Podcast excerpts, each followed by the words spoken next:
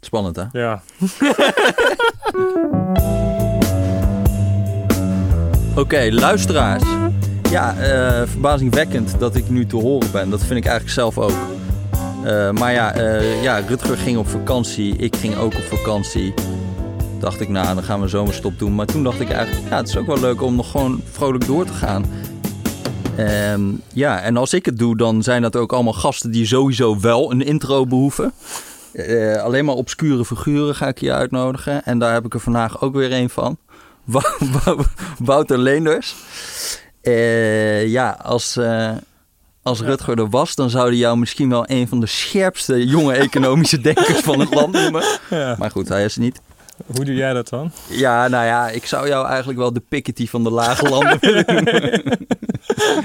nou, dat is niet eens helemaal gelogen, Nee, toch? nee, ja, dat- toch? dat- Jij doet toch wel gewoon... Eigenlijk doe jij toch al een beetje al die Piketty dingen gewoon hier voor Nederland. eh, een soort franchise-onderneming is het. eh. Ja, precies, ja, ja, ja, ja. Nee, dit, nou ja, goed. Er is inderdaad eh, een hele, hele soort van tak van de, van de economische wetenschap... waar je heel veel onderzoek doet naar ongelijkheid en herverdeling. En zij zijn een soort van pioniers in Frankrijk en de Verenigde Staten. En eh, dan zijn er heel veel eh, soort van eh, andere economen die dat voor hun eigen land doen of voor, voor andere landen. En Jij bent de Nederlandse franchise een, een van de Nederlandse, ja, ja, ja.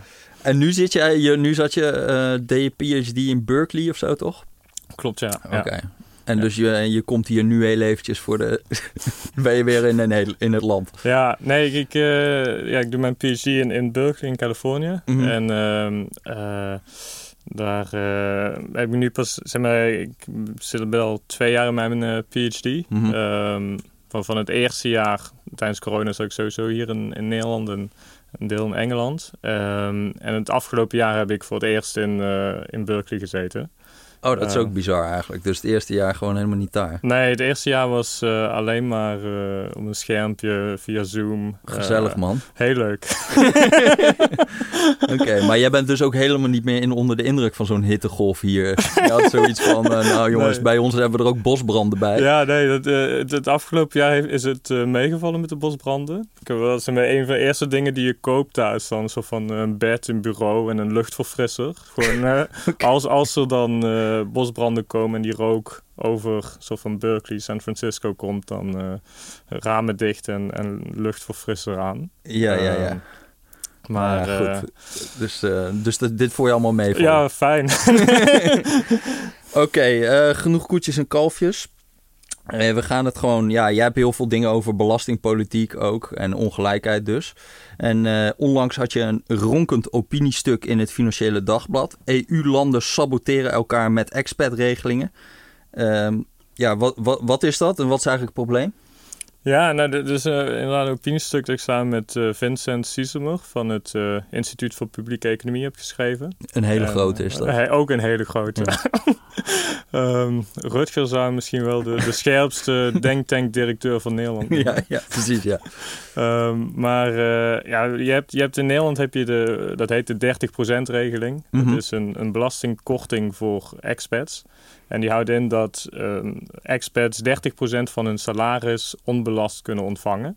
En daarnaast ehm, kunnen zij vaak ook nog hun, hun belasting op inkomen uit vermogen ehm, in feite vrijwel volledig onbelast la- of, eh, tot nul laten dalen. Mhm. En eh, eh, in Nederland is er een regeling die al sinds het begin of sinds kort na de Tweede Wereldoorlog bestaat. Ehm, en in, in, nou, inmiddels uitgegroeid is tot een regeling met eh, ongeveer 100.000 gebruikers. Van mensen die dus naar Nederland zijn gekomen, ehm, hier werk doen en een belastingkorting krijgen. Dus alleen maar buitenlandse werknemers die hier komen. En Ja. zijn er nog wat voorwaarden? Moet je nog iets eh, ja, dus speciaals doen? eh, in, in, in eerste instantie was het zo het idee van eh, je moet iets, eh, een speciale capaciteit of, of kennis of vaardigheid hebben die Ja. misschien schaars is in, in Nederland. Ehm, en tegenwoordig is er een, een minimuminkomen. Dus als je als expat boven dat bedrag, eh, ergens rond de 36.000 verdient, kun je in aanmerking komen voor deze regeling. Ehm, dus dat gaat dan uh, tegenwoordig, kan het, nou, het kan zijn een Engelse bankier uit de city die naar Nederland komt, een uh, Indiaanse IT'er. En um, nou, wat wij in het opiniestuk noemen is ook een Carlos Ghosn, de, de Frans-Libanees-Braziliaanse topman, of voormalig topman van Renault, Nissan en Mitsubishi. Ja. Um, die, Sorry, nog een keer. Wat ja.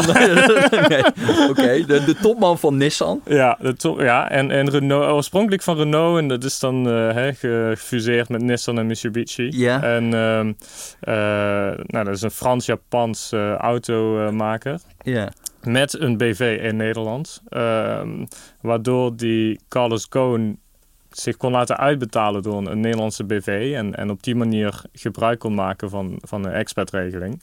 Maar hij woont hier verder niet, of? Ja, hij, hij had in die tijd een, eh, een appartement uh, naast het Vondelpark... met een, een huur van uh, 6.000, 7.000 euro per maand. Oké. Um, betaald door Nissan. Uh, en de vraag... Nou ja, hij, hij zegt zelf dat hij iedere zes weken naar, naar Nederland vloog. En hmm. dat is, nou ja, normaal heb je een soort van, je bent in Nederland woonachtig fiscaal gezien als je toch iets van 183 dagen per jaar mm -hmm. in, in Nederland woont.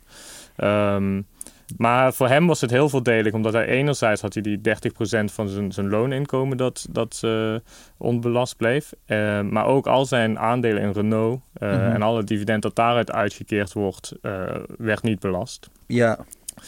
ja, dat is nog wel iets bizars wat ik eigenlijk, waar ik ook pas onlangs achter kwam. Dat je een soort van een, een, een, een belastingbox kan aanvinken eigenlijk. Dat je iets van partieel, partieel buitenlands ja. belastingplichtig of ja, zo. Ja, ja, dus stel je bent een of andere Fransman en je hebt je huis verkocht voor anderhalf miljoen in Parijs. En je gaat dan uh, hierheen. Ja. Uh, nou, dan heb je anderhalf miljoen. Dat kan je ergens in beleggen, weet ik veel wat. En dan kan je hier gewoon aanvinken van... Uh, ja, ik heb buitenlands vermogen of ik ben partieel belastingplichtig. En dan betaal je over die anderhalf miljoen betaal je in Frankrijk niks. Want je woont daar niet je meer. Niet. En je betaalt in Nederland ook geen box 3 of nee, box 2 of geen vermogensbelasting. Ja. Want ja, nee, het is, uh, je bent een of andere expat en er is een of andere rare regeling dat dat er niet hoeft. Ja, nee, het is uh, heel voordelig. En uh, in zekere zin ook, nou ja, die, men heeft in eerste instantie is die regeling ook wel um, gerechtvaardigd door, door, um, door het feit dat mensen extra kosten maken als ze naar een, een ander land verhuizen. Dus voor die verhuizingskosten zou je dan eventueel een een belastingkorting kunnen krijgen. Maar, ja uh, hoor. ja, nee. Je krijgt een salaris van een miljoen. Dan moet je 300.000 euro moet belastingvrij zijn voor verhuizingskosten. De groeten. Nee, nee. Kijk, dus uh, ja, daar zit een, uh, een verschil tussen, tussen realiteit en, en, en, dat, en nou ja, wat, hoe de Belastingdienst dat, dat ziet. Ja. Um, maar nou ja, het, het, pro, het, grotere probleem is eigenlijk dat, dat heel veel andere landen dit soort regelingen ook zijn gaan invoeren. Dus. Uh, um, en zijn die vergelijkbaar gewoon in hoe ruim ze zijn als, uh, als uh, Nederland? Ik weet ja. dat ze in, uh, in het Verenigd Koninkrijk en zo hebben ze dat non-dom. Ja, precies. Of, en dat is een beetje hetzelfde als dat je, dat je dus ook geen belasting hoeft te betalen over al je beleggingen ja, die je in ja. het buitenland hebt. Nee, zo. precies. Dus dat, je, je ziet dat landen elkaar ook zijn gaan kopiëren. Mm -hmm. Dus in, in 1994 heb je vier of vijf landen die, die een dergelijke regeling hebben. Waarvan Nederland de oudste heeft. Um, en vervolgens zijn, nou met name nu bijvoorbeeld uh, na de, of tijdens de eurocrisis, zijn veel Zuid-Europese landen hebben zo'n regelingen ingevoerd. Um, Moesten om... die niet bezuinigen dan? Ja, maar het, het idee is, het idee is uh, als je zoveel extra expats aantrekt, uh, kan een, een, een soort van, nou, kan een verlaging van de belasting voor die specifieke groep, als er maar genoeg expats komen, leiden tot meer uh, belastinginkomsten. Ah, oké. Okay. Um, en da daar is ook wel bewijs voor dat dat, dat, soort, dat soort van de migratie-effecten sterk genoeg zijn om, om je belastingen te laten toenemen. Alleen uh, het probleem is dat die belasting, extra belastinginkomsten die jij krijgt ten koste gaan van het land waar, waar, uh, van waar die persoon is geëmigreerd. Ja, dus een uh, beetje afvoerputjescompetitie. Ja, helemaal. Ja. Dus ja. Uh, in, in het geval van Carlos Ghosn, de, de, die dus eerst in Frankrijk woonachtig was. Mm -hmm. je had de, de socialistische presidentskandidaat François Hollande, die van plan was de inkomstenbelasting, het toptarief daarvan, naar 75% te, te verhogen. Doe maar. En ja, ook de, de vermogensbelasting in Frankrijk te verhogen. Toen heb je dus Gérard Depardieu, die, die is naar Rusland verhuisd. Die, dat is een acteur, toch? Ja, of ja, een Franse acteur van, nou ja, Obelix of zo, Obelix, toch? Ja. um, volgens mij ook wel wat uh, vrij serieuze Franse films. Maar, ja, uh, oké. Okay. Uh, ik ken hem alleen als Obelix. Ja. die, die hij, hij, ja, dat is best bekend. Hij is zeg maar de Russische nationaliteit, geloof ik, aangevraagd. En, maar Carlos Ghosn heeft het meer in stilte gedaan. Hij, hij bleef ook een appartement in Parijs behouden. En...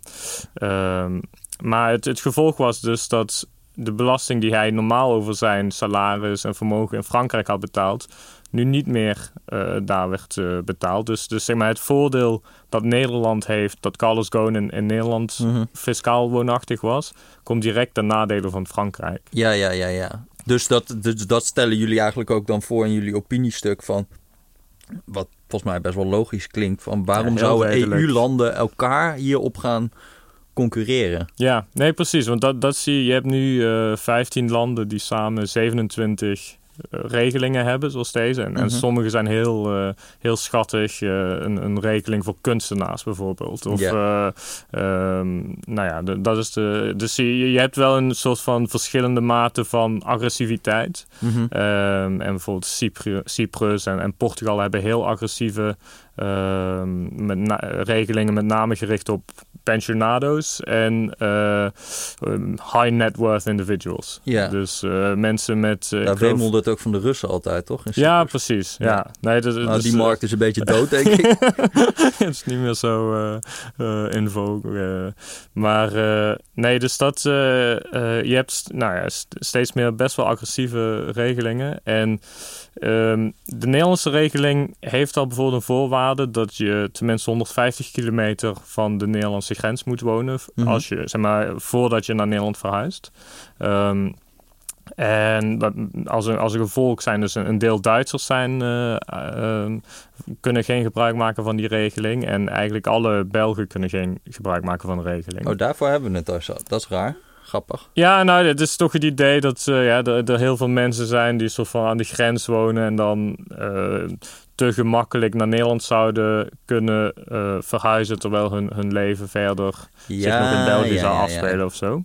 En is het ook zo dat voor Nederlanders, als je bijvoorbeeld naar het buitenland verhuist en na een bepaalde periode weer terugkomt, dat je dan expat regeling of gaat dat niet zo makkelijk? Ja, jawel, jawel. Ik, uh, ik, ik, zit uh, zelf inmiddels al acht jaar in het buitenland. oh.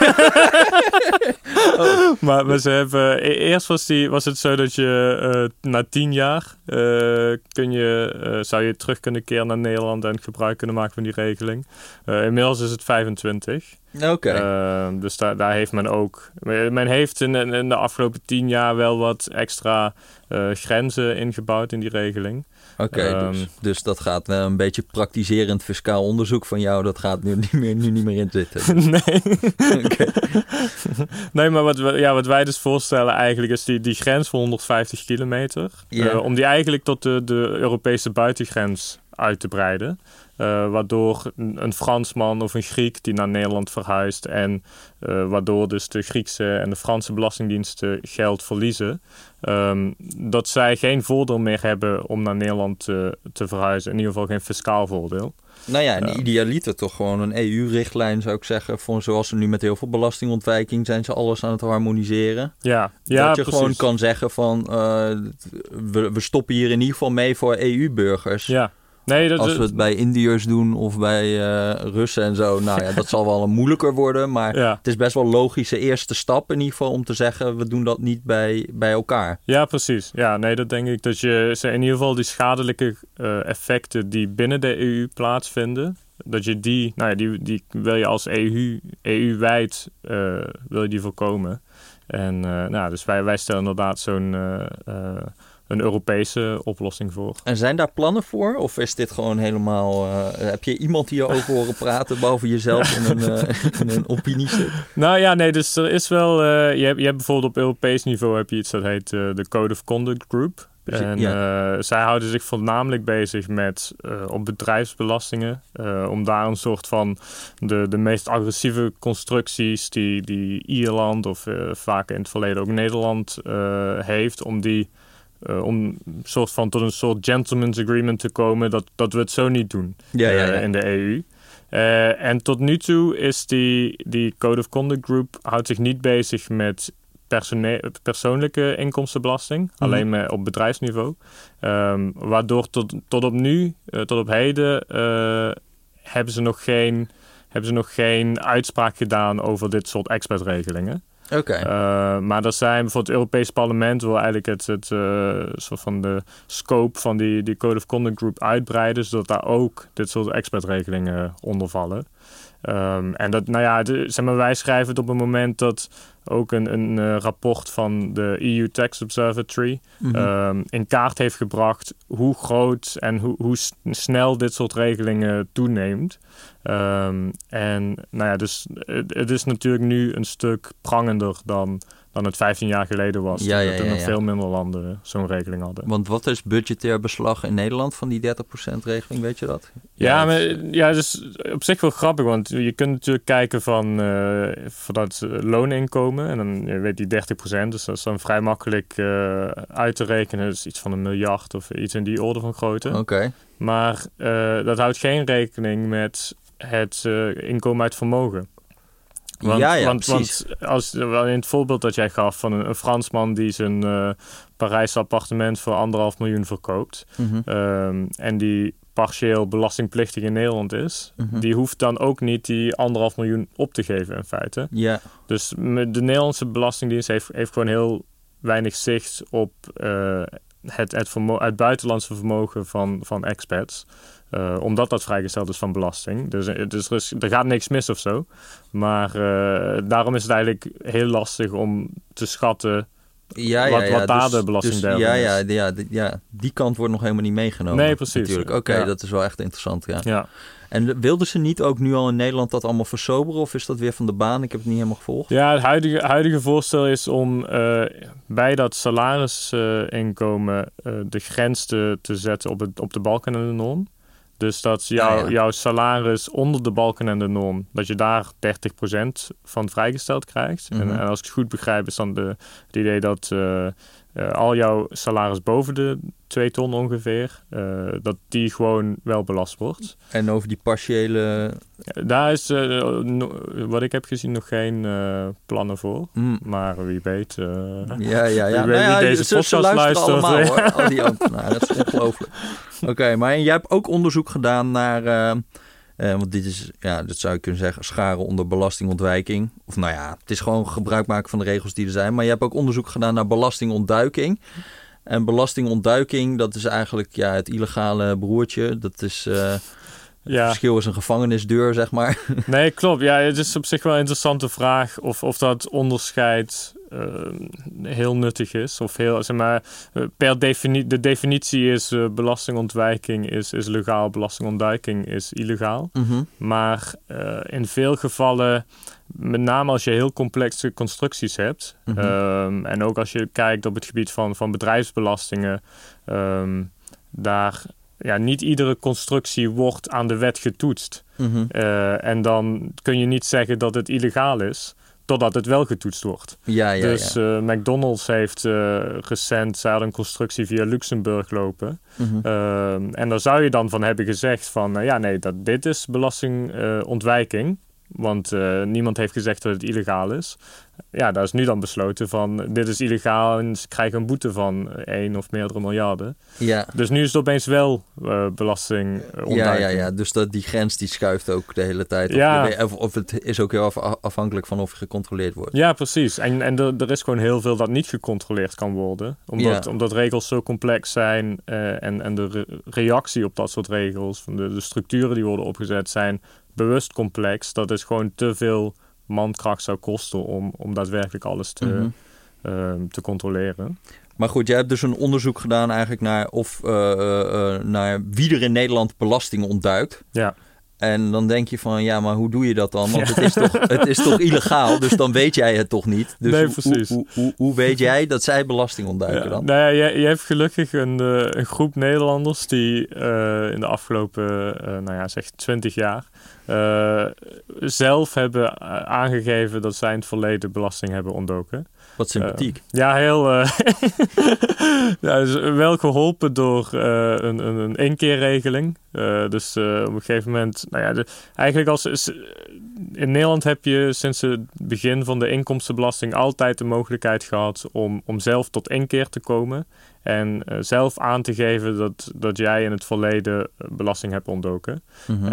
En dan op die manier, door dat vrijwillig te doen, ontwijk je of ontloop je strafrechtelijke vervolging. Mhm. En krijg je vaak ook een lager eh, Mhm.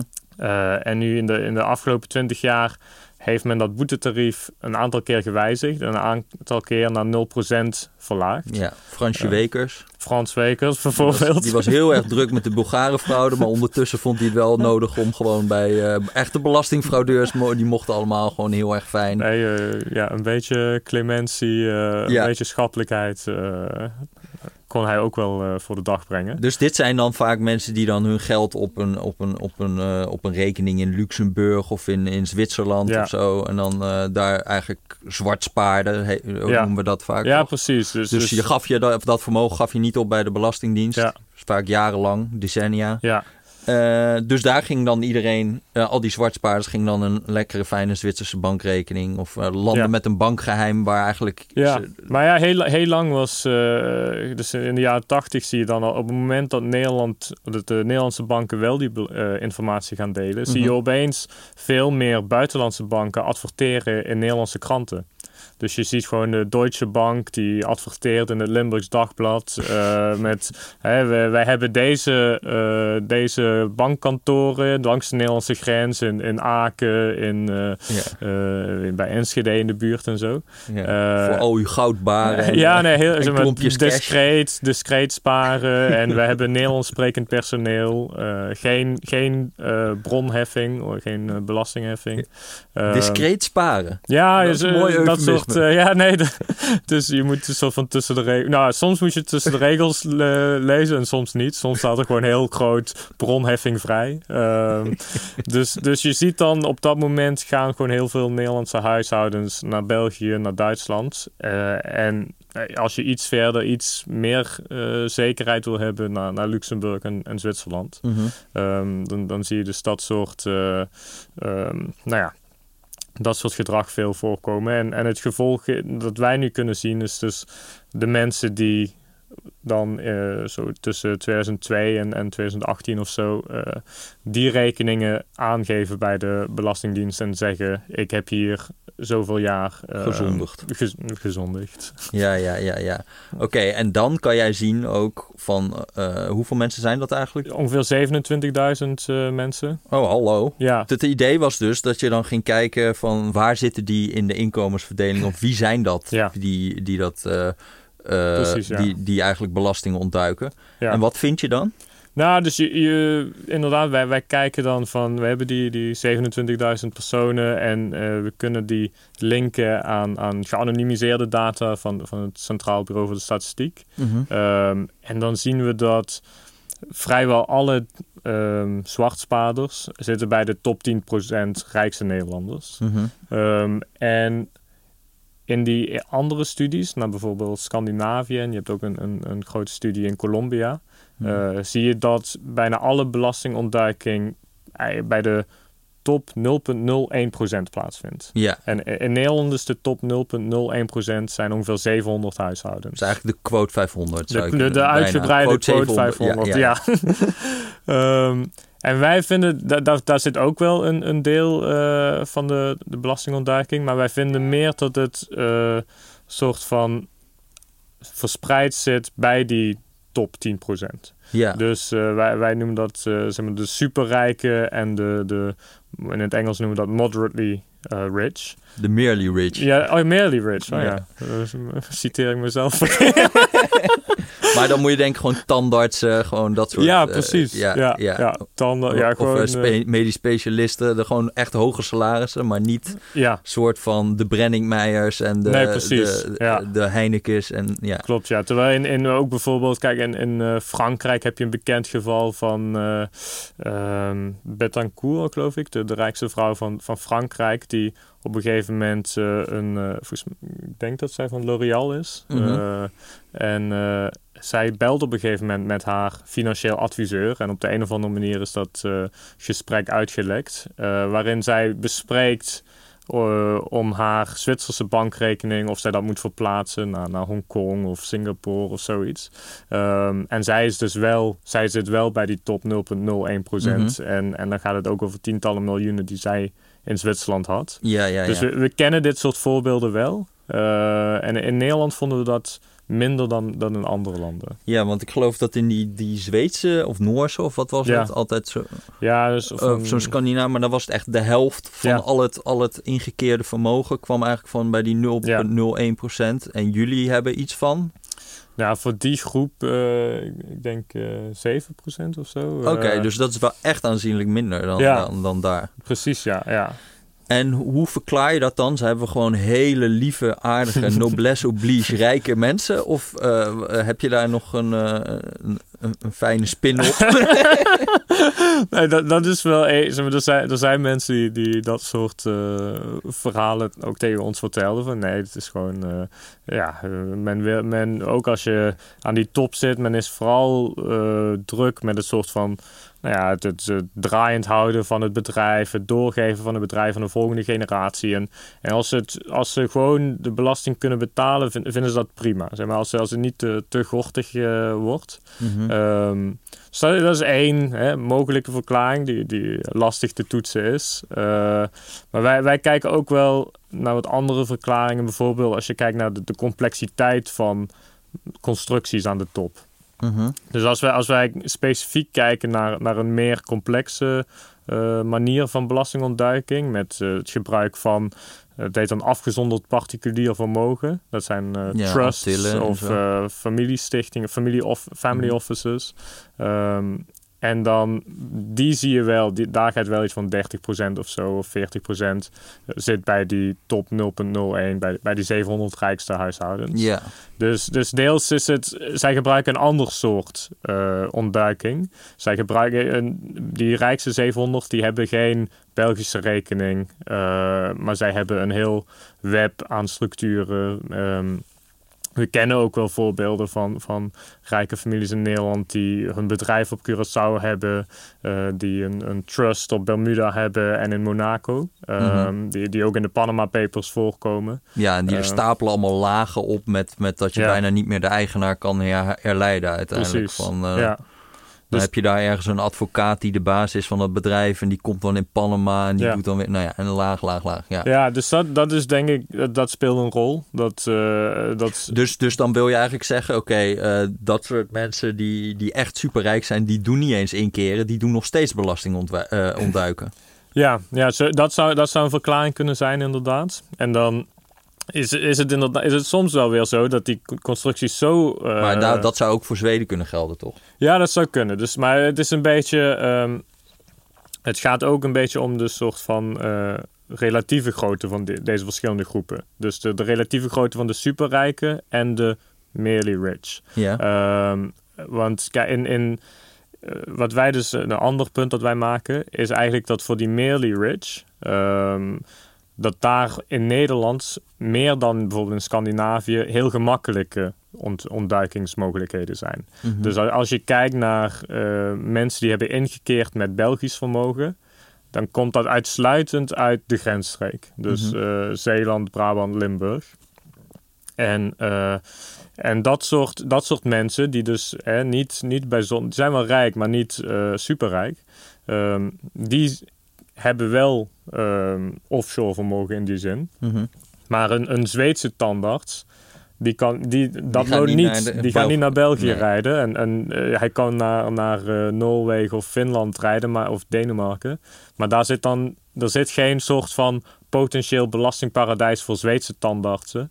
Maar wel voor Nederlandse tandartsen of andere Ja, dus je zegt eigenlijk geografie, uh, betere marketing van de belastingontduikende Ja. banken. Eh, eh, dus dat kan een verklaring zijn dat het ook gewoon wat breder gespreid is bij ons Ja. was in ieder geval. Ja, je, je ziet er, ik heb bijvoorbeeld, eh, je hebt een Zwitserse bank HSBC, die, die adverteert op luchthavens. Ja. En en, en Deutsche Bank adverteerde in het Limburgs Dagblad. Dus dan heb je al een, een ander soort Ja, publiek dat je aantrekt. Ja. Ehm, dus dat, nou ja, ik denk dat dat ook een verklaring is waarom je in Nederland meer mensen, meer rijke, maar niet superrijke mensen. Maar eh, moeten we niet met dat belastingontduiking.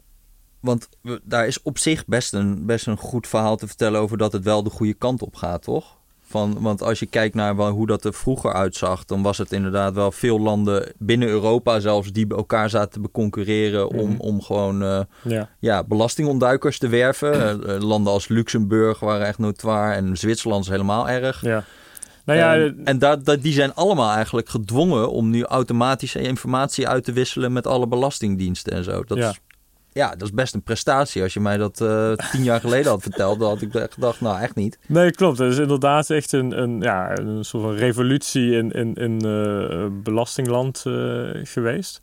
Ehm, dus nu heb je inderdaad dat, dat een heleboel landen ter wereld automatisch informatie uitwisselen met andere landen. En ehm, nou ja, dus, het- dus het, het komt inderdaad als je, als je teruggaat in, eh, wat ik zei, in Nederland. eh, deden zelfs Nederlandse banken dat niet in de jaren tachtig. Ja, Dan is er ook een studie die, die laat zien dat Nederlanders de helft van hun renteinkomen niet aangeven bij de belastingen. Ja. Dus, dus zeg maar, de, we, zijn we komen van heel ver. Ja, ja, ja, eh, ja, in ja. feite.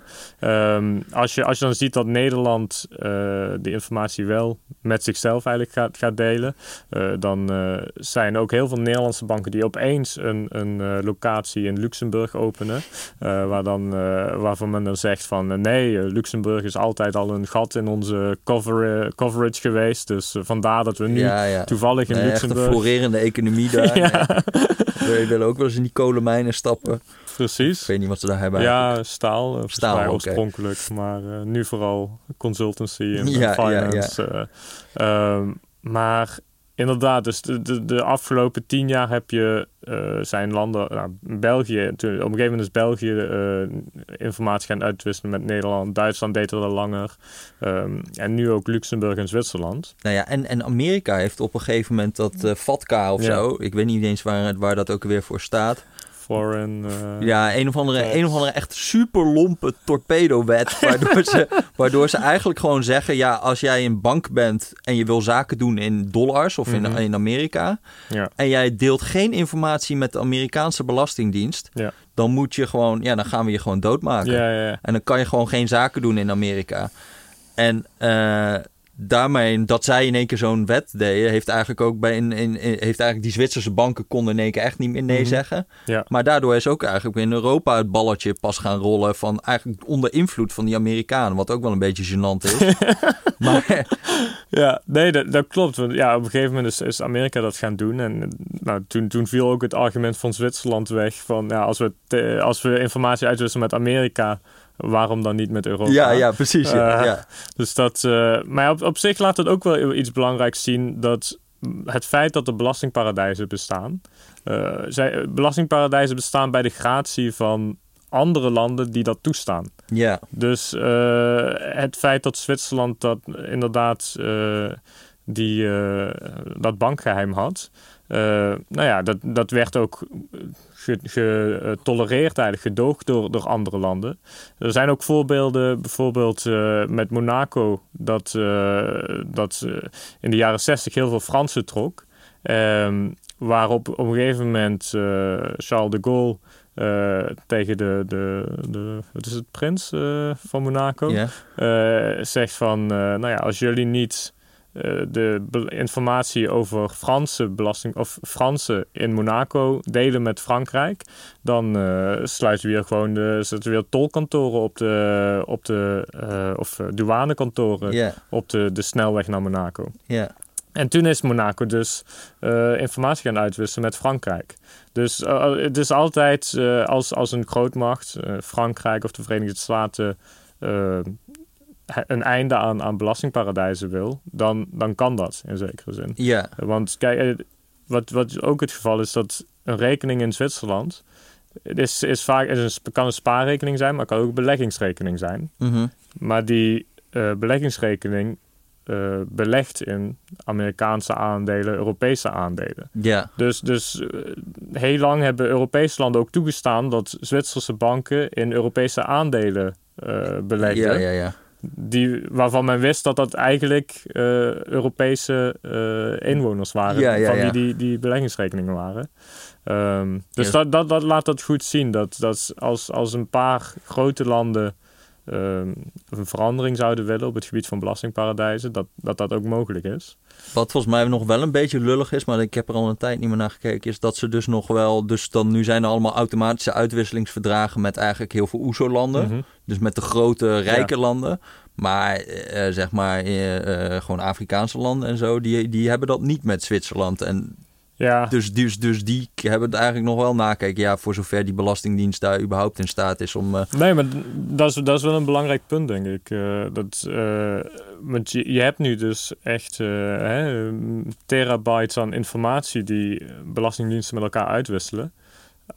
Maar er is nog heel weinig zicht op, oké, en hoe, hoe gebruiken belastingdiensten die informatie? Mhm. En zeker in, in een soort van landen met een, een minder eh, sterke fiscale capaciteit Mhm. eh, of administratieve capaciteit, dan weet je, ja, dan, dan eh, is het heel waarschijnlijk dat zo'n belastingdienst in een Afrikaans land heeft echt niet de capaciteit om een databestand van Zwitserland en, en van honderd andere landen te analyseren en te linken Nee. met hun eigen administratie die niet bepaald eh florisant is. nee, nee, nee. Eh, dus dat, dat is nog wel een, dat is nu eigenlijk de grote vraag. Van, Ja. We hebben die uitwisseling. Maar voor zover ze het überhaupt krijgen, want volgens mij hebben die nog niet van die verdragen, of wel? Ja, sommige wel. Dus, dus, eh, je hebt ook wel wat soort van gecentraliseerde informatie-uitwisseling.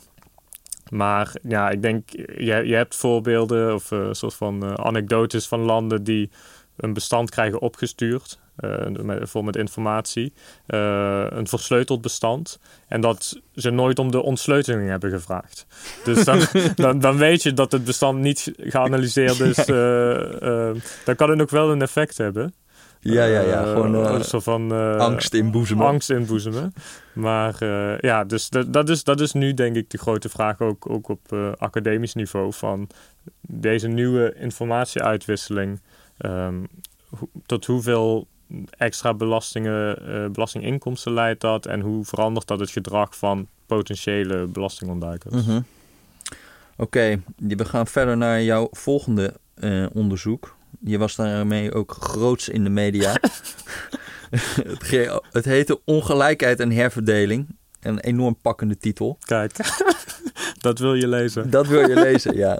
Nou ja, wat, wat, dat was eigenlijk een soort van monnikenwerk toch om na te gaan van hoe is, hoe, eh, zeg maar, wat doen de overheidsuitgaven van Nederland? Waar komt dat terecht? Bij Mhm. welke inkomensgroepen? En wie betaalt er eigenlijk belasting Ja. in Nederland?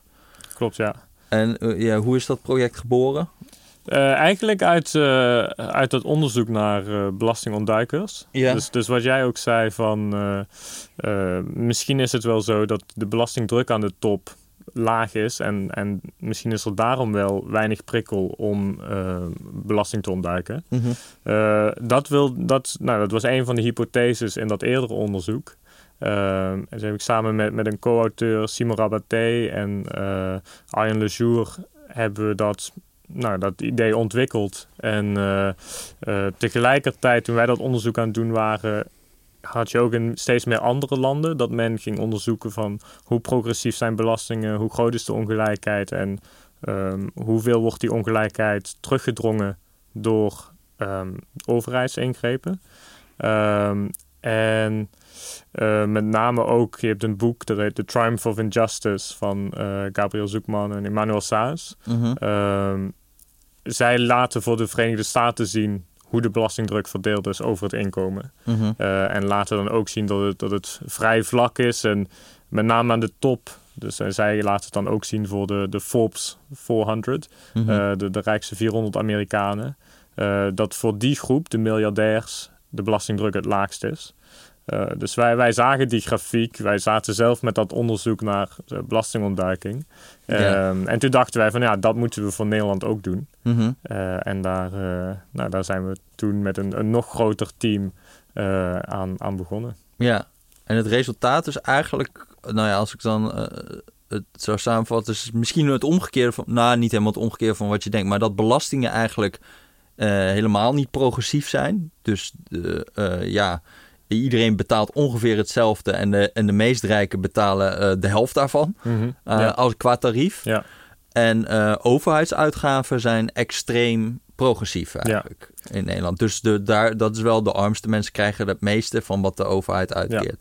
En wat, wat, wat, zit je, wat zit er dan eigenlijk allemaal in aan de uitgavenkant? We hebben het dan over toeslagen. Uh... Ja, dus, dus uh, wat wij in ons project hebben proberen te doen is in feite al het inkomen, zoals, mm -hmm. zoals dat ook door, het, door het Centraal Bureau voor de Statistiek wordt gerapporteerd als het gaat over economische groei en mm -hmm. het, het, nationaal inkomen. Om dus al, alle inkomenscategorieën mee te nemen. Inkomen uit arbeid, inkomen uit vermogen. Um, en vervolgens te kijken alle belastingen mee te nemen. En ook alle overheidsuitgaven. Mm -hmm. um, dus daar, um, daar zit toeslagen bij. Daar zit uh, dingen als de bijstand bij. Uh, dus eigenlijk direct cash dat, of uh, geld dat mensen krijgen. Maar we kijken ook naar onderwijs. Hè. Mensen die onderwijs genieten, uh, mensen die gezondheidszorg, uh, gebruik maken van de gezondheidszorg. Oké, okay, dus ook in Natura, daar ga je ook, in gewoon, natura, ja. daar ga je ook gewoon een, een prijskaartje aan hangen. Ja, ja we, weten, we weten wat de overheid uitgeeft. En, uh, en we weten voor een groot deel van dat soort regelingen waar, waar mensen gebruik van maken. Ja. dus op die manier wijzen we dat, die uitgaven toe aan Een beetje aan veronderstellingen maken en dan kom je er wel. Ja, precies. Dus je, je, en sociale huur, zit dat er ook in? Nee, dus niet, uh, niet... Nou ja, je kunt bij sociale huur denk ik... Uh, je kunt denken dat het, het systeem van sociale huur... Uh, heeft ook een voordeel voor mensen die daar gebruik van maken... -hmm. ten opzichte van als zij een markthuur zouden moeten betalen of zo. -hmm. Dat is... Nou ja, daar, daar, zou je in een volgend onderzoek zeker naar kunnen kijken. Het is wel een veel lastigere opgave, denk ik, omdat je dan dan moet, ja, je moet altijd aannames maken. En in dat geval moet je aannames gaan maken van hoe ziet de wereld eruit zonder sociale huursector? Ja. En wat zijn dan de huren die gelden? Uh, dus ja, dat, ja, ja, dat is moeilijk. Dat, wij hebben nu puur gekeken eigenlijk naar daadwerkelijk betaalde belastingen, daadwerkelijk ontvangen overheidsuitgaven. Mm -hmm. En, en, en bij die belastingen zie je dus dat daar de top 1% eigenlijk een heel erg laag tarief betaalt. Mm -hmm. Hoe komt dat? Uh, ik denk dat daar een aantal uh, factoren in zitten. Mm -hmm. dus, uh, enerzijds, uh, nou ja, als je puur naar de inkomstenbelasting kijkt, mm -hmm. dan is die grofweg of grotendeels progressief. Maar zelfs de inkomstenbelasting is voor die, opnieuw, als je kijkt naar de rijkste 700 huishoudens, is die, daalt die voor die, voor die hoogste groep. Uh, dat komt omdat dat soort mensen hebben uh, vaak voornamelijk inkomen uit vermogen. Dus in box 2 en box 3. Mm -hmm. uh, en dat wordt vaak tegen een lager tarief belast dan iemand die veel arbeidsinkomen heeft. Nu hoor ik de Rutger in mij roepen, wat is box 2? Oh, oh ja. we dan al, al uitleggen. box 3 is gewoon als je aandelen en spaartegoeden en weet ik het wel allemaal hebt. Ja. Een beetje. Ja. En box 2 is eigenlijk voor uh, ja, de mensen die een eigen bedrijf hebben. Dus ja, als jij meer dan 5% van de aandelen ben, hebt in een, uh, in een bedrijf. Ja. Uh, en je krijgt daar winst uit, bijvoorbeeld uit dat bedrijf. Mhm. Of je verkoopt dat bedrijf. Dan heet dat box 2 inkomen. Ja, precies. En ja, dat is sowieso al iets lager belast eigenlijk dan arbeidsinkomen. Ja. Of eigenlijk word je in twee etappes Ja, je uh, wordt in twee etappes. Dus eerst heb je als, als bedrijf, een bedrijf betaalt de vennootschapsbelasting. Ja, En als, uh, over de winst. Dus een bedrijf maakt winst. Daarover betalen ze vennootschapsbelasting, eigenlijk winstbelasting. ja, Uh, en vervolgens kan een bedrijf wat dan overblijft aan winst uitkeren of, of niet uitkeren. mhm. En op het moment dat dat uitgekeerd wordt, dan uh, wordt daar box 2 belasting over betaald. ja.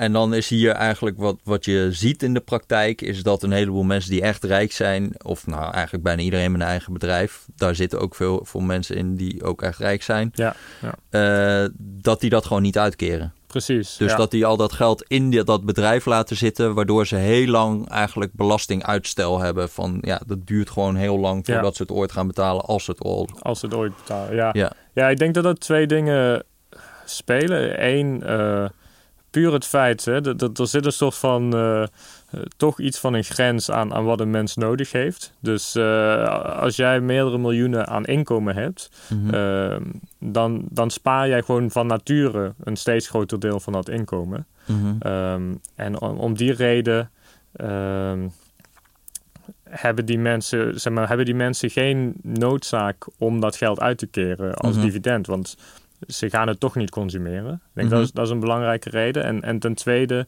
als ze het wel willen consumeren, bestaan er ook nog manieren om toch toegang tot dat geld te krijgen zonder het eh, formeel uit te keren. Mhm. Eh, dus dat is, eh, je, je kunt als bedrijfseigenaar kun je van je eigen bedrijf lenen. Ja, Ehm, en, een nou hele wonderlijke constructie. Heel wonderlijk. ja. Ja, ehm, en, en op die manier kun je dus eh, consumeren eh, zonder dat je daadwerkelijk eh, ehm, volgens de belastingwetgeving geld uitkeert en Ja. daarover ook belasting moet betalen. Dus je kan dan gewoon wel een fijne plezierjacht kopen. Ja, Dan leen je het alleen van je eigen bedrijf. En dan, dan zeg je, ja, gaan we het over 15 jaar terugbetalen. En weet ik het, en moeten we allemaal zakelijk zijn en bla bla bla. Maar dat is dus een manier om het nog langer uit te stellen. Terwijl je er wel al het genot ervan hebt, Ja, zeg maar. Namelijk precies. zo'n plezierjacht. ja, Ja, ja dat is natuurlijk eh, niet weggelegd voor mensen die gewoon looninkomen hebben. Want die kunnen het dus niet eh, eindeloos uitstellen. Dus stel je bent een of andere voetballer en je verdient een miljoen. Dan, ja, dan wordt het sowieso meteen op, in dat jaar belast. Ja, nou, jij hebt natuurlijk ook mooie trucs met royalties en weet ik het allemaal. Maar dat 30% laten we even, laten we even ja, 30% regeling. maar in principe heb je niet, als, als gewoon een normale werknemer heeft niet de mogelijkheid om een belasting eh, Ja. jarenlang uit te stellen. nee precies. Dus als, als jij als eh, werknemer inkomen hebt en, en het vervolgens wil, zou willen sparen, dan moet daar wel eerst eh, inkomstenbelasting over betaald worden. Ja. En nou ga ik even een kritische noot kraken. Jij, eh, eh, jij zegt dus eigenlijk van ja, die top 1% die betaalt maar 25% belasting. Maar dat is eigenlijk, eh, ja, eigenlijk moeten ze die belasting dan nog wel betalen heel vaak. Maar dat is dan nu uitgesteld en dat gaat dan in de toekomst plaatsvinden. Maar ja, dan doe jij het nu een beetje voorkomen alsof dat niet, alsof dat niet meer gaat gebeuren, zeg maar. Dus ik denk dat heel veel mensen die kritiek dan ook hadden op jullie onderzoek van... het lijkt nu alsof zij eh, helemaal niks eh, of gewoon de helft eh, van het tarief betalen. Maar dat heeft eigenlijk te maken met de factor tijd dat dat nog gaat komen.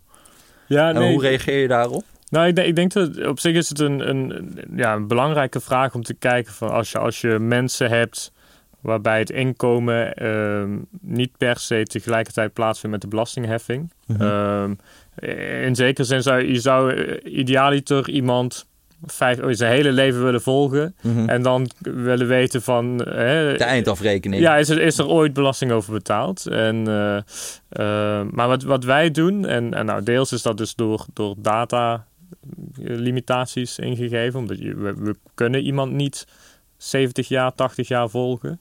Eh, maar ook wij, wij willen specifiek kijken naar wat zijn de daadwerkelijk betaalde belastingen in een jaar. Mhm. Dus ehm, op het moment dat een, een bedrijfseigenaar belasting betaalt, daadwerkelijk belasting betaalt, hè, die dus ook ontvangen wordt door de overheid, dat is het moment dat wij die belasting meenemen. Eh, en het kan zo zijn, het kan zo zijn dat inderdaad dat een, een ehm, bedrijf eh, winst maakt, eh, maar nog geen winst uitkeert. Ehm, maar dat wordt die, op het moment dat ze wel winst uitkeren, wordt dat dan, die belasting wordt dan wel meegenomen. Mhm. Dus het is niet zo dat wij soort van veronderstellen dat er nooit belasting over wordt betaald. Maar wij, het is meer een timing issue. Wij nemen het mee op het moment dat het betaald wordt. Ja. En in zekere zin, zeg maar, er, er zit ook een voordeel, een belastingvoordeel aan het uitstellen. Mhm. Ehm, en daar houd je op deze manier wel rekening mee. Mhm. Dus dat, eh, nou ja. Ja, ja, ja, ja. Ja, dat is een nuance. Oké, nou is dit eh, allemaal eh, waar we het nu over hebben, is helemaal hip en happening. Want eh, er zijn nu ook in de politiek zijn ze heel erg bezig ook met het belasten van vermogen. En er was nu onlangs een te- in- Ja. interde- interdepartementaal Departementaal. beleidsonderzoek Ja. vermogensverdeling.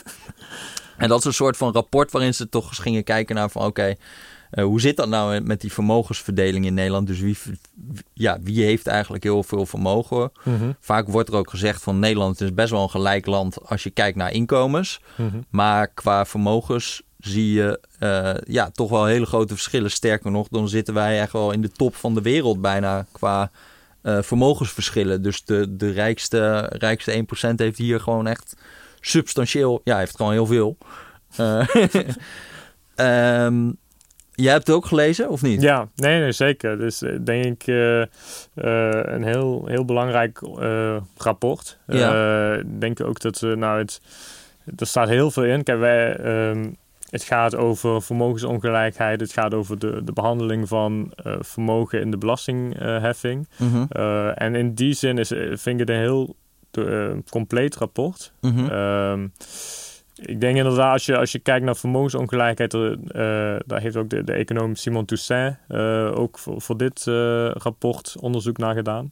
Ehm, en als je kijkt naar Nederland, dan is het inderdaad zo dat de vermogensongelijkheid is heel erg hoog. Ehm, daar is altijd de discussie geweest van moet je pensioenen wel of niet meenemen. Ehm, als je pensioenen wel ne- meeneemt, dan kan het zijn dat die, dan is die vermogensongelijkheid eh, lager.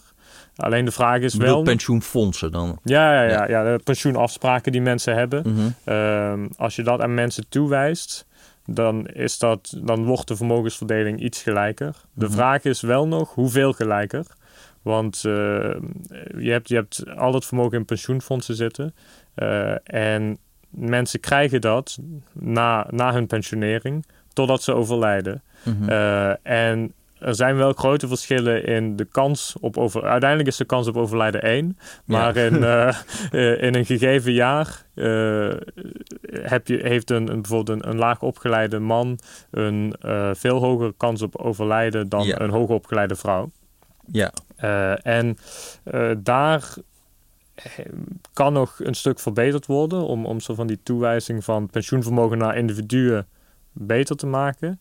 Ehm, Met sterftetabellen eigenlijk. ja, precies. Ja. Dus men, men doet dat al, maar dat kan, dat kan nog ge- gedetailleerder. Mhm.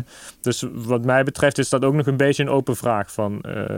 hoe, ongelijk is, hoe ongelijk is de vermogensverdeling in Nederland? En hoeveel verandert dat als je pensioenen wel of niet meeneemt? Mhm. Ja, ik ben gewoon best wel een scepticus van het hele concept van vermogensverdeling, moet ik zeggen. Van Ja. dat ik, ja, ik weet dat dat heel populair is ook in, eh, in, in onze kringen om daar heel erg op, hard op te hameren. Maar wat bij mij meer ook het probleem is, los nog van die discussie over pensioenen, eh, neem je dingen als de AOW of zo bijvoorbeeld mee. Want het is Mhm. natuurlijk zo, als je een land hebt met een hele sterke verzorgingsstaat, dan hoeft de middenklasse en de lage klasse hoeven ook veel minder te sparen Mhm. omdat ze al verzekerd zijn tegen Ja. allerlei risico's door de overheid. Mhm. Dus in Nederland krijg je gewoon, eh, wordt er elk jaar 40 miljard euro bijvoorbeeld aan de AOW uitgekeerd. Mhm. Dat is een gigantisch bedrag, Ja. waarvoor je dus zelf niet hoeft te sparen voor je, voor je pensioen. Ja. Maar dat tellen we überhaupt niet mee in, als, een- als een vorm van vermogen. Terwijl je zou kunnen zeggen 40 miljard, ik doe even iets heel doms. Ja. Ik ga dat verdisconteren tegen gewoon de rekenrente en dan hebben we het over 1,1 biljoen of zo aan vermogen. Wat helemaal niet wordt meegerekend. Nee. En je krijgt bijna de paradoxale conclusie dat hoe slechter je verzorgingsstaat wordt, hoe meer mensen zelf moeten gaan sparen in de middenklasse, hoe kleiner de vermogensverdeling. En dat lijkt mij toch ook niet, hoe kleiner de vermogensongelijkheid. Ja, ja, ja. En dat lijkt mij toch ook weer niet helemaal de bedoeling. Nee, klopt. Nee, dus, dus inderdaad, nou ja, kijk, dat, dat, dat geldt voor de AOW, maar in feite ook, eh, je kunt kijken, je hebt, je hebt landen met, eh, met heel hoge eh, collegegelden, Mhm. waar mensen dus, waar ouders ook moeten sparen voordat eh, hun kind naar de universiteit kan. Eh, Dus in zekere zin heb je dat geld, ja, Voor alles, alles wat de overheid doet, eh, kun, je, kun je je afvragen of, of dat invloed heeft op de, de vermogensverdeling. Sterker nog, je hebt allemaal vermogenstoetsen in, Ook, in, ja. in allerlei sociale zekerheid. Dus er wordt Ja. actief ontmoedigd Ja, eigenlijk om zelf vermogen aan te gaan leggen, omdat je anders je uitkering verliest. Ja, dus nee, dus ik denk, maar op zich ik denk dat het rapport het wel goed doet om je, je moet in zekere zin vermogen altijd uh, in een context zien. Mhm. Dus, dus ook als jij zegt van ja, uh, is vermogensongelijkheid belangrijk? En, en wat zegt dat? Dan hangt het heel erg af van de vraag die je stelt. Mhm. Als, je, als je vraagt, uh, kunnen ouderen, gepensioneerden, kunnen die vrij van armoede een oude dag bestaan hebben? Dan is het veel belangrijker dat er een, een AOW bestaat dan om precies te weten wat is het vermogen van een, een 70-jarige. Mhm. Uh, en in, in, verschillende landen heeft vermogen dus ook een andere betekenis. Mhm. En ook binnen een land. Uh, men, men, zegt wel, kijk, voor de soort van middenklasse of onderklasse. Wel, de onderklasse heeft eigenlijk per definitie geen vermogen. Dus een, een middenklasse, voor een middenklasse betekent vermogen um, zekerheid en stabiliteit en, en tot op zekere hoogte vrijheid. Mhm. Um, vermogen aan de, aan de top heeft dan veel meer te maken met uh, invloed. Uh, in eerste instantie op bedrijven, dus gewoon op het economisch verkeer. Um, en dat kan natuurlijk overvloeien in politieke invloed of maatschappelijke invloed. Um, dus als je bestel je zou meer geïnteresseerd zijn in, da, in dat laatste soort vragen, Mhm. dan denk ik dat, je, dat het heel logisch is om naar vermogensongelijkheid te kijken zonder zeg maar, de AOW-uitkeringen en, en dat soort voorzieningen. Um, Ja, mee te nemen. je, dan zeg je eigenlijk, het is gewoon sowieso onwenselijk om bijna miljardairs te hebben, omdat je dan wel heel veel invloed toekent aan een paar individuen. Nou ja, Eh, ja, Economische of politieke, en dat kan overcijpelen in politieke invloed. En dat, dat zou een politiek-economisch argument zijn precies. eigenlijk tegen Ja. ver- eh, eh, Ja, ja, dus, niet- maar dat gaat eigenlijk al over de top van de verdeling. ja, precies. Dus, de, En hoe sta jij daarin dan? Vind je dat? Ja, ik ben daar een beetje agnostisch. Uh, zeg maar, ik, ik heb niet zelf hele sterke ehm, voorkeur. Ik denk dat je gewoon per vraag die je stelt, moet je eigenlijk kijken van wat zegt vermogen in dit geval. Mhm. En, en soms moet je gewoon concluderen dat vermogen niet heel relevant is. En, en vaak denk ik wel. Uh, ik denk ook een belangrijke vraag is natuurlijk hoe komt de vermogensverdeling tot stand? Dus leef je, leef je in een soort van 19e eeuws uh, renteniersmaatschappij waar je vermogen afhangt van het vermogen van je ouders. Mhm. Is, is een heel ander soort maatschappij dan een, een meritocratisch ideaal.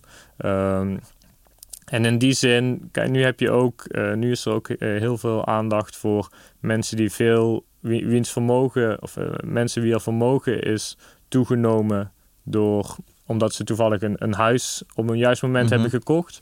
Um, dus op dat, je, je iedere vorm van ongelijkheid heeft een, soort van rechtvaardiging. Mhm. Um, en in die zin is het denk ik belangrijk van wat is die rechtvaardiging en, en wordt dat geaccepteerd of niet? En, en hoe, moet dan, hoe vinden mensen dat belastingheffing bijvoorbeeld uh, daarop moet reageren? ja, ja. En zei ze daar, want zover ben ik niet gekomen, maar zei ze daar ook nog wat over van wat zijn nou, uh, zeg maar, is dit nou allemaal renteniersvermogen? Zijn dit, zijn dit generaties die dat allemaal doorgeven in Nederland? Of hebben we het gewoon over mensen die een start-up naar de beurs brengen en in één keer gewoon takken veel geld verdienen? Ja, dat is, dat is een goede vraag. Dus, dus op zich een, een, een vraag waar, waar ook veel debat onder economen over bestaat. Mhm. Van hoeveel van het vermogen, hè, ik weet niet, ik denk dat we in Nederland iets van uh, 3.500, 4.000 miljard euro aan vermogen hebben. Mhm. Uh, hoeveel daarvan is self-made en hoeveel is uh, ge geërfd? Ja. Uh, dat, is, nou, dat is op zich is dat lastig te zeggen. Een groot deel is, is geërfd. Dus uh, ook als je kijkt, uh, als je zou, je zou kijken naar de quote 500, dan, dan staan daar genoeg. Er zijn altijd Eh, families die in de top 10. eh, Ja, precies. Dus uh, dan, dan, kun je, dan is het ook niet bekend voor de journalisten van Quote van welke individuen binnen die familie hebben het vermogen. En, en men heeft ook gewoon slecht zicht op, op bepaalde families. Voor de, de, de families die ooit grote aandeelhouders waren in Shell. Die, die zijn vrijwel volledig van de radar. De Oranjes. Voor, de Oranjes die zijn er nog. Die staan wel volgens mij gewoon in de quote. Maar, maar je hebt nog wat andere Mhm. families. Uh, die, uh, ja, die, die hebben nog wel eens in de quote gestaan, maar volgens mij uh, ja, ja, ja, inmiddels staat het, zicht op verdwenen. Ja. Maar dat zou wel een interessante vraag zijn, nog als het, als het je meer gaat om de rechtvaardiging van die. Ja, je kunt natuurlijk ook de, de mix hebben, de, de soort van zelf mensen die soort van een start-up beginnen, uh, Adyen, Mhm. die kunnen nog altijd soort van, van oud geld komen. Ja, Eh, is dat zo, Arjen? eh, volgens mij wel. Oké, oké. nou ja, niet En dat wij- zeg je gewoon op basis van dubbele achternaam of zo? Of- Jonker. Oh, oké, oké. Maar, maar dat, nou ja, niet ten nadeel van Adyen of Nee. De Nederlandse adel. Maar, eh, Ja, ik vond het nog wel interessant. Ze hadden in dat, eh, eh, in dat, in dat rapport stond er ergens op pagina 76 een intermezzo opmerkelijke belastingconstructies. Ja. Heb je dat ook gelezen? nou, dat, was wel, dat vond ik wel even smullen hoor. Tentamen wordt het bijna, pagina 76. Ja, ja, ja, nee, maar ik zat het nu zo door te gaan. En toen dacht ik, oh, dat is wel grappig. Toen hadden ze dus gewoon met de Belastingdienst eigenlijk gesproken... om te zeggen van, nou, wat komen jullie eigenlijk voor gekke dingen Ja. zoal tegen? En dat hebben ze gewoon allemaal best wel goed helder opgeschreven. ja.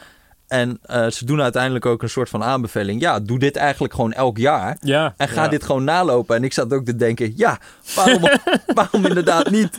Dus ze noemden ook dat voorbeeld van jou nou, met die expat-regeling... Van dat, ze, dat je dus eh, eh, die partiële belastingplicht... Ja, dus dat, dat, dat je eigenlijk helemaal geen, Nergens belasting, nergens belasting betaalt eh, over ja. vermogen. Maar ook de eh, klassieker, de culturele ambi. Ja, Nou, dat is ook een leuk feest hoor. Ik eh, ga het toch even uitleggen. nee, leg even uit. Ja, je hebt dus gewoon als je een stichting hebt en met een ambi-status. Ja, ambi-status. Ambi-status is eh, algemeen nut, nut. beogende Ja.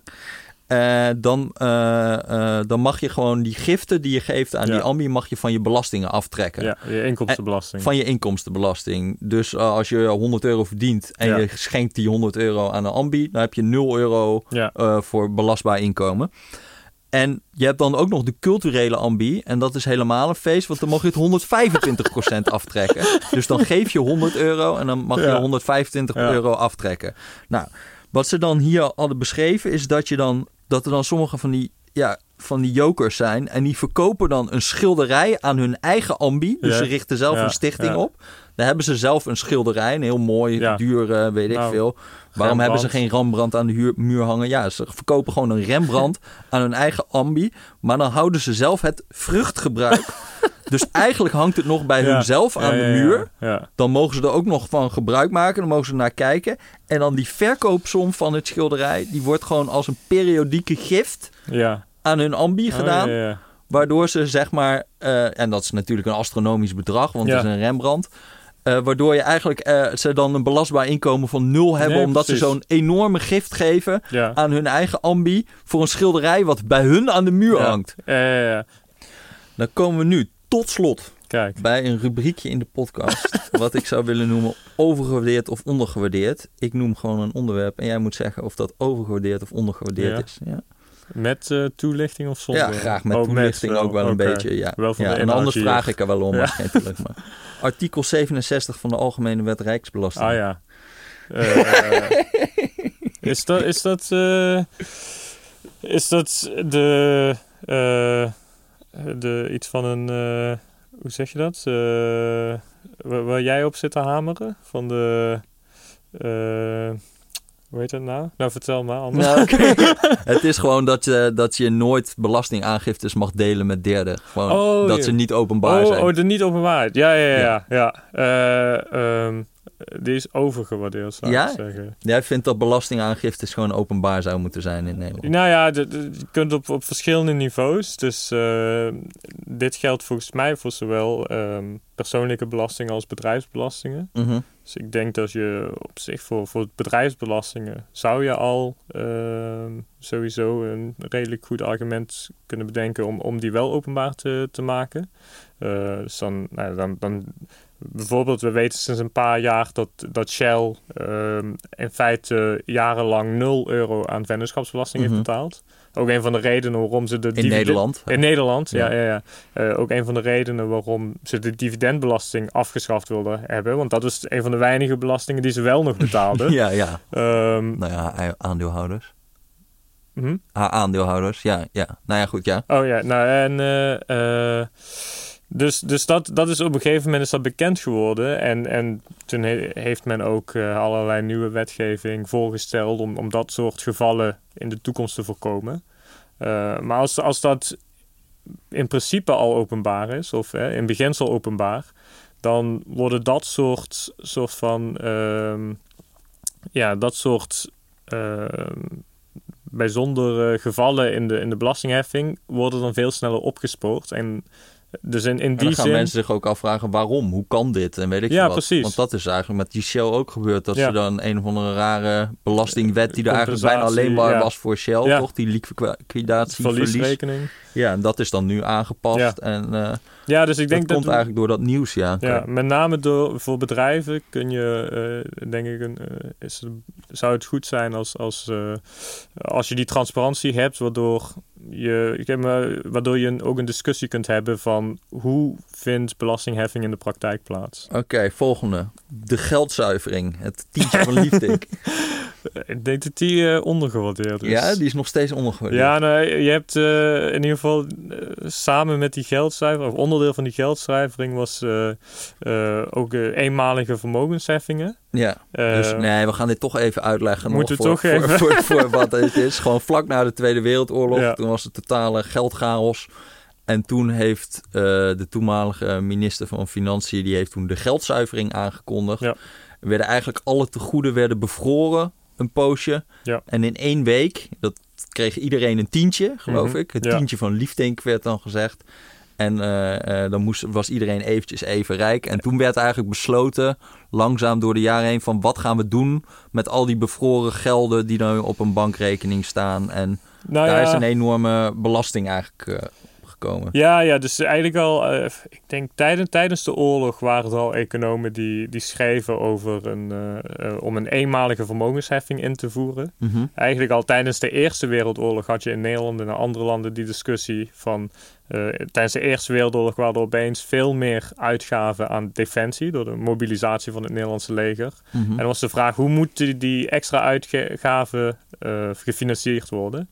En een van de opties was een eenmalige vermogensheffing. Gewoon eh, één keer, nou, voor 5% van ieders vermogen wordt dan afgeroomd in feite. Bam. En dat is in de Eerste Wereldoorlog niet doorgegaan. Maar toen in de Tweede Wereldoorlog lagen die ideeën er dus. Eh, en na de, na de bevrijding van Nederland heeft men toen twee vermogensheffingen ingevoerd. Eén op de toename van het vermogen van mensen tijdens de oorlog. Ja. Met het idee van eh, als Al jij... die bunkerbouwers. Ja, al die bunkerbouwers. Ja. Eh, als jij tijdens de oorlog rijker bent geworden, nou ja, dan kon het ofwel, er werd aangenomen dat het niet fris was, en dan Mhm. werd het tegen 90% eh, belast, die toename. Tenzij jij kon aantonen dat, dat jij gewoon hè, eh, op een heel eh, ethische manier rijker was geworden eh, tussen 1940 en 45, dan werd het tussen de 50 en 70% belast. Nog, Halleluja. nog steeds vrij fors. Ja. Hollande, eat your heart out. ja. Ja. En vervolgens is daar na die eh, was er nog een, een vermogensheffing op het resterende vermogen. Dus eigenlijk niet de toename, maar gewoon het, het eh, totaal van tussen, ik geloof tussen de 2 en 20 procent. Dus een progressieve Wow, dat is heffing. ook veel, ja. Ehm, en dat heeft toen ook, eh, nou, ik geloof iets van 3 miljard gulden aan belastinginkomsten gezorgd. Op, op een tijd dat het, het nationaal inkomen was iets van 12 miljard gulden. Dus Ja. we- 25% van het, het eh, nationale inkomen dat in een aantal jaar, gespreid wel over een aantal Mhm. jaar, in, eh, aan belasting is binnengekomen. ja, Dus, dat is echt wel veel. ja, Ja, want nee, als- volgens mij hebben we nu een half procent van BBP aan ja, kapitaalbelasting, nee, of niet? precies. Als je nu 25% van het eh, BBP, dat is 200 miljard. Ja, dus je ja, zou, je zou, 50 je zou jaar een eenmalige heffing van 200 miljard. eh, Ja, ja, ja. Holy shit. Ja, dat is echt wel dus, eh, krankzinnig. ondergewaardeerd. En dat, ja, dat is wel ondergewaardeerd dan, ja. Oké, eh, nou dan komen we bij de allerlaatste. ondergewaardeerd of overgewaardeerd het Amerikaanse treinnetwerk. Oh ja. Eh, kan beter, maar ik zou zeggen ondergewaardeerd nog door de meeste mensen. Ja? Want Ja. ik zit daar toch met een Europese... Ik zag jou, ik zag jou op eh, Twitter gewoon je hele treinreis van Berkeley naar... eh Ja. Washington DC. waar ging je heen? Van. Berkeley naar Washington. Ja. Oké. Dus dit is eh, van, het eerste stuk is de, de op één na langste treinreis van, van de Verenigde Staten. Van eh, eh, Californië naar Chicago. Mhm. Dus de California Zephyr heet de trein. En, en vervolgens zijn wij met de, de Capital Limited van Chicago naar Washington DC gegaan. Oké. Dan kom je dus langs nou, Tahoe, eh, ehm, allerlei eh, eh, Rockies, de woestijnen in, in Nevada. Ja. Dus je, je gaat vier dagen lang, zit je in een trein, kom je door, door de hele Verenigde Staten. Oké. Ehm, dus dat is, nou ja, ik, ik ga nu vaak eh, met de trein van Amsterdam naar Den Haag. Dus ook, ook een leuk uitzicht, maar eh, Het is toch net wat minder. het is net wat minder. Oké, Ja. oké. Dus we, we waarderen die toen toch nog een beetje onder als eh, arrogante Europeanen. Dat we denken daar dat vreselijke autoland. Nou ja, dat klopt ook wel. Maar... Oké, oké, oké. Nou, eh, mooi. Eh, ik denk dat we geen luisteraars meer hebben. Ehm, het was leuk. Eh dankjewel. Eh dank. Tabé.